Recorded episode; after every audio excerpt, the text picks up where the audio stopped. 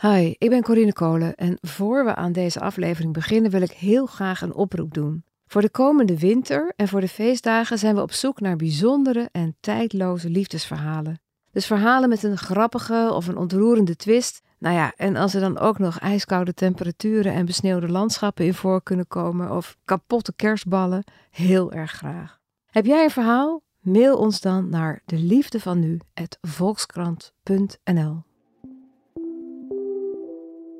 Bijna een jaar geleden had ik een gesprek met Juliette. Haar herinneringen aan haar minnaar zijn eigenlijk vooral gebaseerd op erotiek. Wanneer Juliette die minnaar na jaren weer terugziet en hem doodziek aantreft, focust ze zich als vanzelf op de aantrekkingskracht die er nog steeds is. En ze besluit zijn snel naderende dood min of meer te negeren. Tijdens het interview had ik moeite haar te begrijpen, omdat wat ze zegt over haar zieke geliefde zo botst met hoe doorgaans over zieke geliefdes wordt gesproken. Ze leerde me hoe erotiek in het staartje van een mensenleven niet alleen kan bestaan, maar zelfs opnieuw tot bloei kan komen. Dit is de liefde van nu. Het verhaal begon um, 2,5 jaar geleden bij een date waarbij ik iemand ontmoette die uh, ja, mij heel erg uh, intrigeerde, me heel erg uh, prikkelde. Het was een, ehm, een knappe man. Hij had een hele leuke oogopslag, een hele leuke lach. Hij was heel erg ehm, prikkelend in de manier waarop hij praatte ook en zo. Hij had heel veel interesse. En hij durfde ook al over wat grenzen heen te gaan uh, bij mijzelf. Waarvan ik merkte van oké, dit is echt leuk om uh, dit eens uit te proberen. Het, het uh, over grenzen heen gaan heeft tegenwoordig een totaal andere betekenis dan wat jij er nu aan geeft, Absoluut. denk ik. Ja, wat bedoel ja. jij ermee? Nou ja, het, het, is inderdaad wel op een andere manier dan wat er in de media gezegd wordt. Maar aan de andere kant was het wel ook het, het uitproberen van wat past bij jou. En ook wel op seksueel gebied uitproberen. Noem eens dus een concreet voorbeeld daarvan. Hij uh, had in zijn eigen huis een heel aantal uh, nou ja, ook speeltjes, voorwerpen, dingen uh, op seksueel gebied die heel leuk waren om uit te proberen. En dat had je nog nooit eerder dat geprobeerd? nooit gedaan. Dan ging een wereld voor je open. Ja, absoluut. En ehm, was het voornamelijk het seksuele wat je aantrok in hem? Dat was wel een heel belangrijke factor. Dat vond ik heel prikkelend en heel interessant. Maar het was tegelijk ook dat wij heel goed konden delen en praten. En ja, wij openden ons voor elkaar. Dus daar zat meer dan dat alleen. Maar hij zat ook in een relatie. Uh, tegelijkertijd wist ik, uh, na een tijdje van uh, appen wist ik dat wel. Het was niet gelijk vanaf het begin. maar dat was uiteindelijk wel waardoor er een soort spraak in het wiel kwam. Dan denk ik van nou, hier ga ik niet mee verder, want het gaf gedoe. Mm -hmm. Nam je hem dat kwalijk dat hij dat niet meteen had gezegd? Nee, heb ik hem eigenlijk nooit kwalijk genomen. Want ik was helemaal niet op zoek naar iemand om een vaste relatie mee aan te gaan. Maar toch was dat een reden om het af te breken? Ja, omdat ze, de andere in de relatie daar toch iets anders in zat dan hij. Oké, die, die vond niet dat ze een open relatie had? Nou, dat vond ze wel, maar er was toch wel heel veel jaloezie. Okay. En dat was echt niet, uh, niet prettig. Nee, daar zat je niet op te wachten? Nee, dat dit is echt gedoe. hey, en toen uh, heb je hem uh, niet meer gezien? Nee, toen hebben we elkaar, denk twee keer ontmoet. Ik had hem wel in mijn contacten laten staan. En ik had hem bij al dat appen, had ik hem toen wel een eigen geluidje gegeven. En, Wat voor geluidje? Uh, ja, een vrolijk geluidje, weet ik, van zo'n harpje of zo. en uh, toen, bijna twee jaar verder, hoorde ik dus tijdens mijn werk opeens dat geluidje. Ja, dat was echt heel grappig. Dat ik, oh, hoe kan dit? Beetje alsof je onverwachts boodschap ergens vandaan krijgt. En ik kon eigenlijk niet wachten om te gaan kijken. Ik dacht, ja, ik zat op mijn werk, ik ga dit nou niet doen. is niet handig nu. Ik ga ook niet al te enthousiast reageren, want toen had ik wel zoiets oké, okay, ik heb anderhalf jaar niks van je gehoord, uh, even geduld. Wat schreef hij? Ja, heel kort. Leuk om weer eens even contact te hebben. Hoe is het met jou? Wat schreef je? Ja, prima. Hoe, hoe, is het met jou? Ja. En toen kwam zijn reactie. nou, het ging niet heel goed met hem. Want hij was toen ook al wel ziek, twee jaar geleden. maar dus in dat, dat eerste berichtje stond daar niet veel over hoor. Maar van, nou ja, nog niet heel erg veel verbeterd. En dat zijn relatie uit was. Ik denk een week of vier later hebben we toen afgesproken. Hij deed de deur voor mij open en hij stond, nou, hij was gewoon heel blij dat hij mij zag. Uh, en het was ook wel weer een beetje hetzelfde gevoel als toen twee jaar geleden bij die allereerste date van oké, okay, wel even onwennig, want je hebt zoveel geappt. Waarin je soms heel intiem bent geweest en heel open. En dan opeens zie je elkaar weer. Het was ook eventjes van oeh. en het waren ook een hele hoop herinneringen van toch die twee jaar daarvoor die dan weer naar boven kwamen. Hoe zag hij eruit? Uh, slecht, mager, heel mager en heel ingevallen gezicht. En hij moest aan de zuurstof. En had hij jou voorbereid op hoe hij eruit zag over die zuurstoftank? Mm, nee, eigenlijk niet. Daar nee. ging het eigenlijk niet over? Nee. Dus dat, die eerste keer dat ik dat zag, schrok ik daar wel van. Toen zijn we koffie gaan drinken in zijn keuken. En raakte aan de praat. Gewoon ben je ook wel een beetje de koetjes, kalfjes. En we hadden gewoon een leuk gesprek.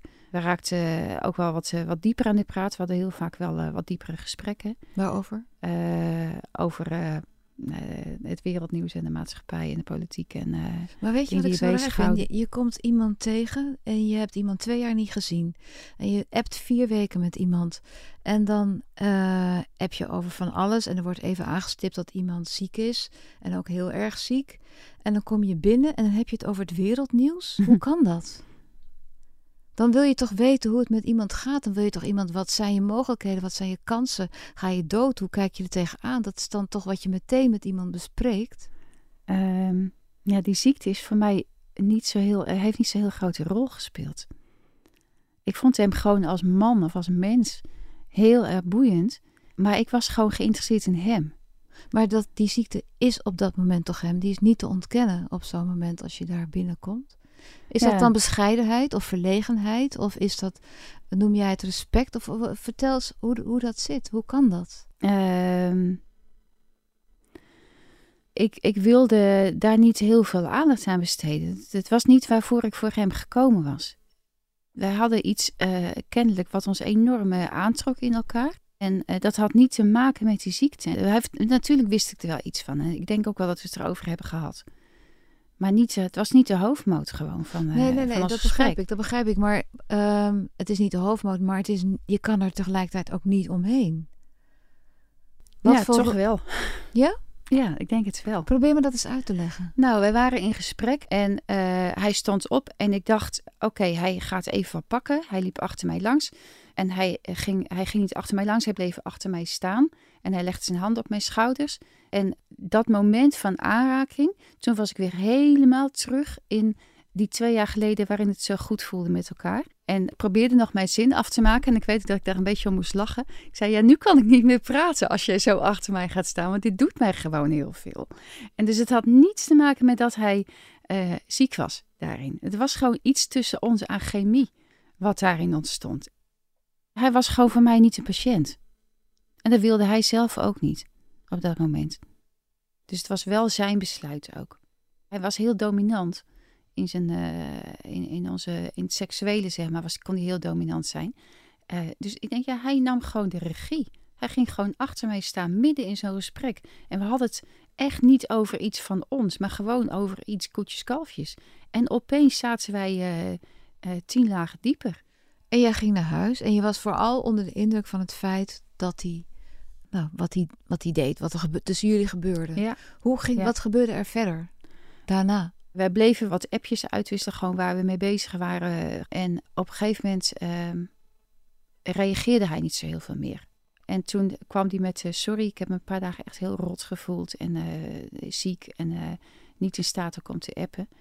En toen nog weer een paar dagen later kwam het bericht dat hij ervoor had gekozen om, een, ja, hij noemde dat een eind te breien aan zijn eh, leven. Euthanasie. Ja, dat is ook, eh, dat is het woord natuurlijk, maar hij, zo stond hij in het appje. Hey, en wanneer, hoeveel eh, dagen of weken na, na die ontmoeting van jullie tweeën in zijn huis kwam dat appje over het eind breien? Ehm, een week of vijf later. Dat is best snel. Nou, ik schrok er echt heel erg van. Dat berichtje. Ik had echt iets oké, dat ga je me echt niet aandoen. Kun je echt niet nog iets bedenken dan? Wat deed hij jou dan aan? Ehm, ja, toch wel een, eh, eh, iets heel prettigs wat, wat wij hadden. Al was het alleen maar dat appen. Hij haalde mij een beetje uit alle serieuze dingen van het leven. Want hij kon gewoon ook heel erg erotisch appen. En dan kon ik om lachen ook. Eh, ja, dat was gewoon even net anders dan de gewone appjes die je met iemand deelt. Wat daar hij dan ik, bijvoorbeeld? Ehm, ja, eh, nou ja, hoe, hij, uh, hoe hij zin in mij had en uh, wat hij mooi vond aan mij en hoe dat voelde en wat hij de volgende keer met mij ging doen. En ja, dat vond ik echt heel leuk. Maar het was ook voor een groot deel fantasie. Want op die dag zelf dat jullie elkaar, die middag dat jullie elkaar hebben ontmoet, is het gebleven bij die handen op je rug, of niet? Nee, we hebben toen ook wel seks gehad, die middag. En dat was fijn? Ja, ja, dat was heel goed. Maar hij was nu doodziek. Ja, dus het was ook heel erg raar. Hij was, uh, nou, we hebben toen wel, uh, uh, nou zeg maar, seks op de keukentafel gehad, want we zaten in de keuken. en ik was echt verbaasd dat dat gebeurde, want hij zag er ook, hij was zo ziek, maar hij zei ook van ja, je geeft me energie. Dus het gebeurt, doordat jij mij energie geeft, gebeurt dit ook. en daarna was hij wel heel erg moe. Maar ja, dat was niet een heel grote rol in, de, in, die, in het hele verhaal. Dat gebeurde gewoon. Jij dacht niet, straks blijft hij erin? Nee, nee. Uh, toen bleek, uh, toen hij dan appte over dat hij voor euthanasie koos. Ja. Toen zei hij wel van, ja, ik heb me wel beter voorgedaan dan ik was. Toen ik je ontmoette. Wat appte je terug? Ik vroeg hem hoe hij zich erbij voelde. Of hij bang was. Ehm, dat was hij niet, zei hij. Ik had liever nog wat langer hier rondgelopen. Maar hij zei, het gaat gewoon niet. Ze zei, ik voel me er gewoon rustig bij vlak voor kerst uh, hadden we afgesproken dat ik nog eens een keertje langs zou komen. Want even voor mijn duidelijkheid hoor. Want hij had tegen jou gezegd: ik ga er een eind aan breien. Dat kondig je niet maanden van tevoren aan, of wel? Uh, Dan is dat meestal binnen een paar weken. Ja, hij had uh, een datum gepland. Uh, in eerste instantie, die is laatst nog verschoven. Zes weken nadat hij het mij had geappt. Oh, oké. En hij wilde het na de kerst wilde hij het aan andere mensen gaan vertellen. Oké. Dus hij had ergens in januari die datum gepland. Ja, Goed. Uh, en hij vroeg of ik bleef slapen. Hij zei, kun je ook wat drinken? En uh, nou, ik, ik, heb ook logeerruimte, dus kijk gewoon wat je wil. en toen appte hij in de middag dat, hij, nou, dat het niet zo goed met hem ging. Ik kon wel langskomen, maar hoe ik dan binnen kon komen zonder dat hij de deur open hoefde te doen.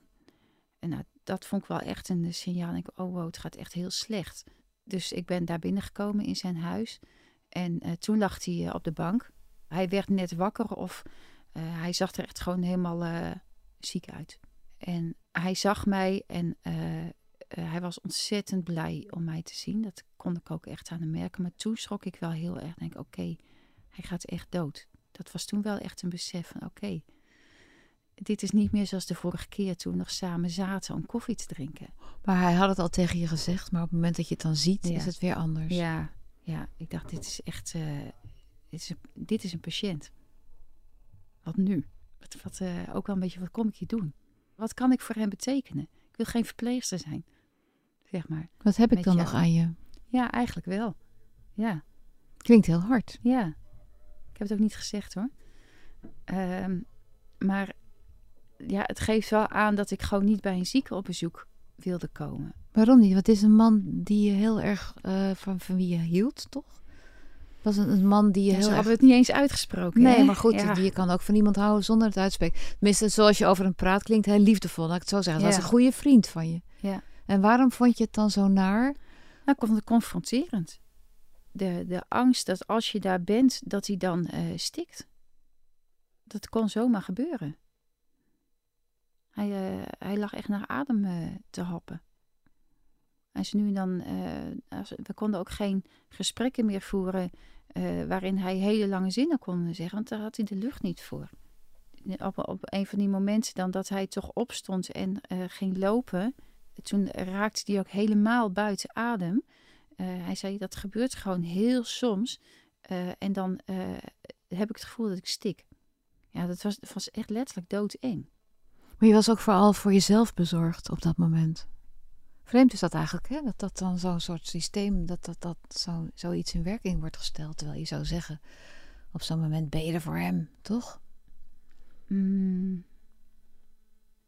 Ja, ik weet niet of ik er voor hem zou eh, kunnen zijn al op die manier. Zo goed, zo'n relatie hadden wij natuurlijk ook niet. Ik, Je eh, vond het, of is het dan misschien zo dat het sterven natuurlijk iets heel erg intiems is? ja.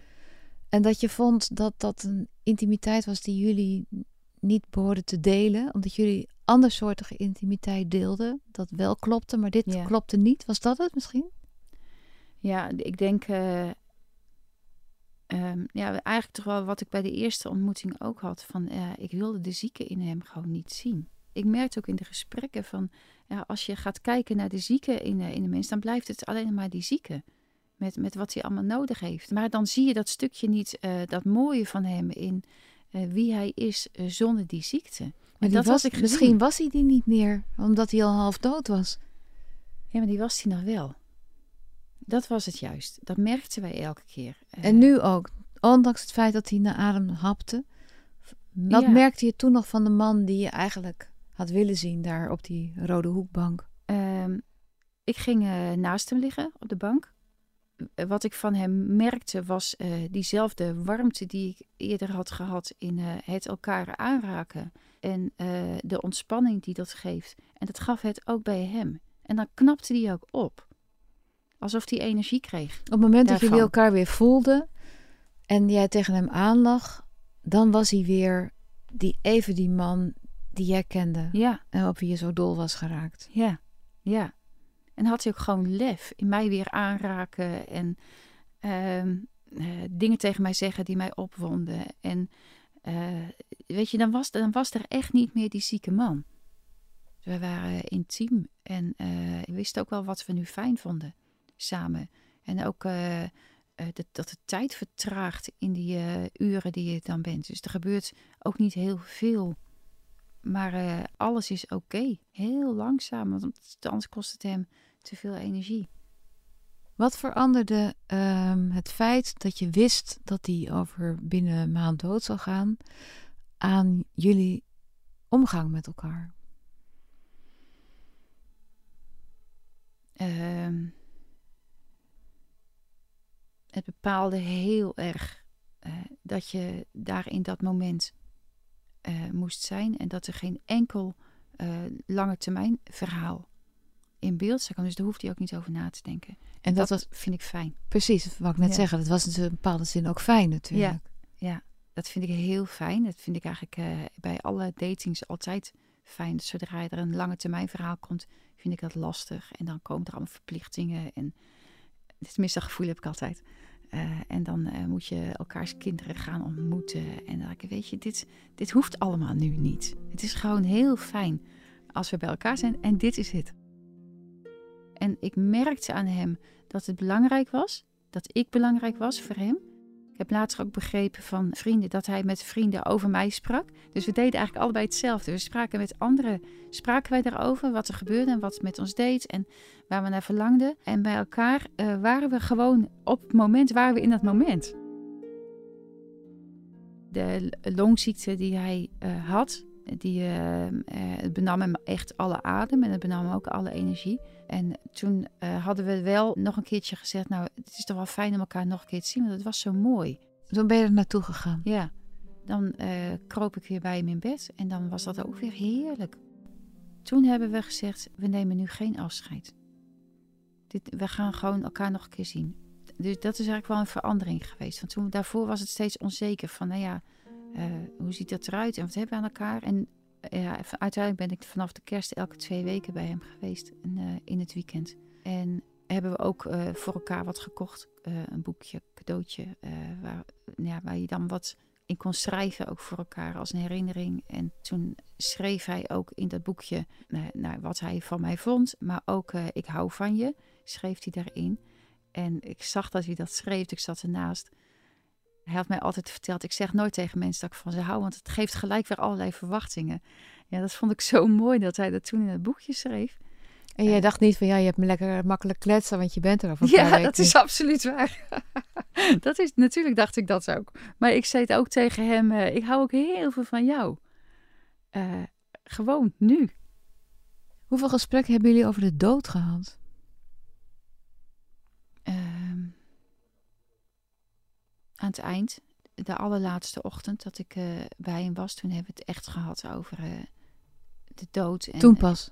Ja, daarvoor terloops. Toen hebben we het ook gehad over, ja, wat denk je dat er gebeurt? En wie eh, kom je iemand tegen? Gebeurt er überhaupt nog iets? En eh, toen vertelde hij daarover, van wat hij eigenlijk toch wel hoopte, dat hij dan toch wel daar de, degene tegenkomt eh, die dan al dood zijn en hè, die dan weer zou willen ontmoeten. Toen moesten we echt allebei heel erg huilen. Toen was het wel echt, oké, dit gaat echt gebeuren. Want tot dan toe had je het eigenlijk nog een beetje voor je uitgeschoven. Ja. Ja, dat besef was wel opeens toen van, ah ja, weet je, het stopt wel echt. Dat gevoel van dit kan oneindig duren. Uh, want het gebeurt steeds in het moment. En die momenten herhalen zich steeds maar opnieuw. Dus dit, dit stopt nooit. Er was toch wel ergens een soort uh, uh, gewenning ontstaan. En jouw hele weigering, of zo noem ik het dan maar even, om verpleegster te zijn, had daar natuurlijk mee te maken.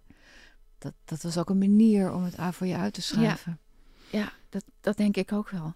En ik moest eigenlijk meer houden dan hij, want hij was, uh, denk ik, ook al helemaal mee vertrouwd met dat idee. Hij had natuurlijk daar al weken uh, was hij dat toch wel mee bezig geweest. Dus hij heeft mij meer getroost dan ik hem. En voor jou daalde dat besef toen pas echt, echt in. Terwijl je ook al maanden wist dat wat er zou gaan gebeuren ergens met je hersenen. Maar kennelijk niet met de rest van je lijf. Ja.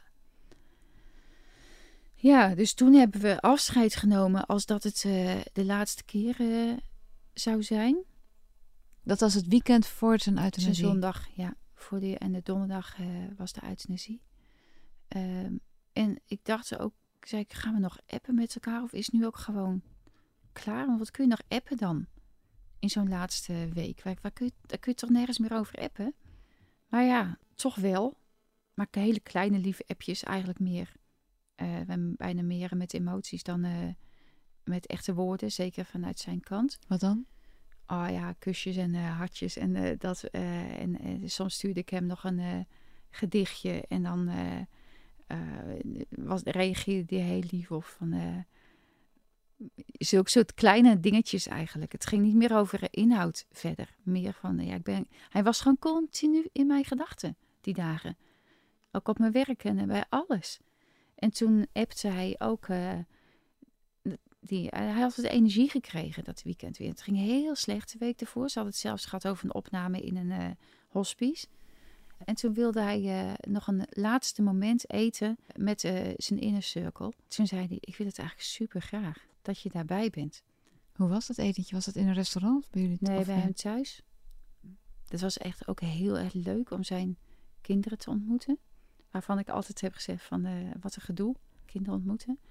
Maar ik zag ook enorm die band die tussen hen was. En dat vond ik mooi om te zien. En ik zag ook wel hoe zij ja, hoe zij naar hun vader keken en hoe hij naar hen keek, dat was echt heel mooi om daarbij te zijn, heel warm. Uh, en tegelijk ook wel echt ongemakkelijk. Kan niet anders zeggen.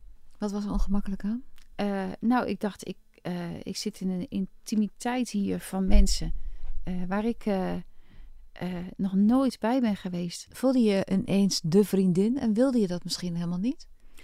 Ehm, nee, ik vond het eigenlijk ook wel een, een mooi iets. Uh, dus ik heb dat altijd afgehouden. Van ik wil niet ergens binnenkomen als de vriendin van. En opeens voelde ik, oh, dit is echt ook heel mooi om er zo te zijn.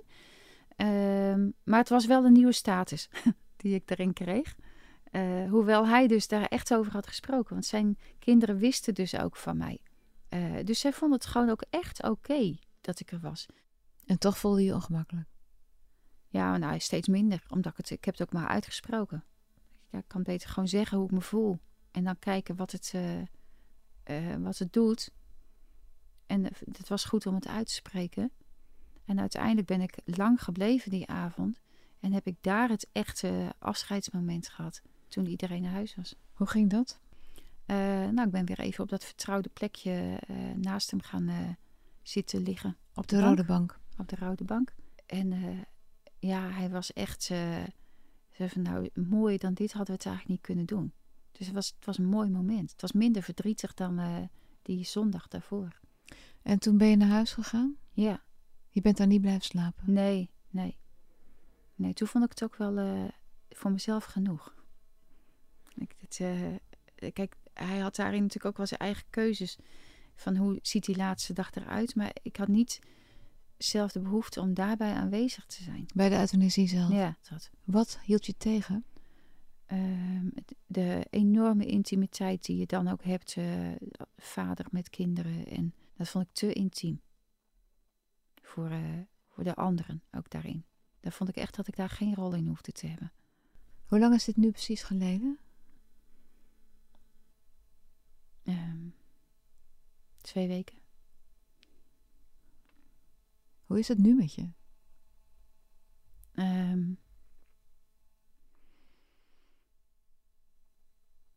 de, ja, nu zelf, eh, het is eh, iets, iets moois om op terug te kijken, merk ik. Het was een soort wonder steeds dat het gebeurde. Dat die ontmoeting kon plaatsvinden, Ja. dat die er nog was. Ja, maar ook dat als die ontmoeting er was, dat het zo'n mooie ontmoeting kon zijn. Elke keer opnieuw. Mis je hem nu? Of, of hoe is ja? Ja, Hoe is het nu? ja, is, eh, is nu dan mis ik hem vreselijk. Eh, die, die eerste week eh, was echt gewoon afschuwelijk. in, dat ik, oké, dit. ik miste zijn appjes. Ik wist dat ene geluidje van dat appje. Het harpje. Ja. Ehm, en ik moest echt, ja, ik was echt opeens acuut aan het rouwen. Ik, was aan het, ik had verdriet en ik, soms als ik in de winkel liep, opeens overviel het me door een gedachte of iets. En dan, het, dan voelde ik weer tranen. Ehm, en eh, ik heb daar maar gewoon aan toegegeven. Want ik wist ook, ja, hier heb ik wel voor gekozen. Het helpt natuurlijk ehm, dat het ook maar momenten geweest zijn. Dat er niet talloze herinneringen zijn aan heel veel jaren en samen dingen doen en gemeenschappelijke herinneringen. Dat is er niet, hè? Eh, dus dat stukje heb ik niet. Ik heb, moet steeds zoeken naar wat heb ik dan wel eigenlijk daarin. Dus wat zijn nou die dingen die mij dan triggeren? En ehm, dit gaat ook gewoon niet meer weg. Dat blijft, heb ik, dat weet ik. Dit, dit heb ik ook tegen hem gezegd. Van, eh, nou, ik denk dat ik 92 word en eh, al die jaren ga jij gewoon nog in mij mee. Je leeft in mij nu.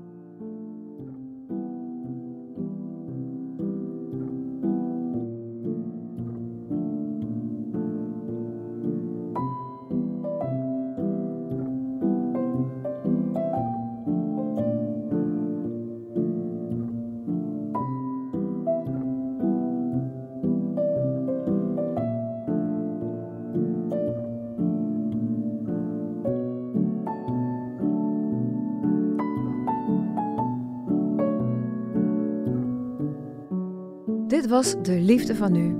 Wil je reageren? Mail dan naar deliefdevanu@volkskrant.nl. Ik maak deze podcast samen met Mona de Brouwer, tevens editor. Research wordt gedaan door Sien Bonen en Mona de Brouwer. Eindredactie is van Corinne van Duin en Emilie van Kinschot. En begin- en eindtune is van Juliaan de Groot. Dankjewel voor het luisteren.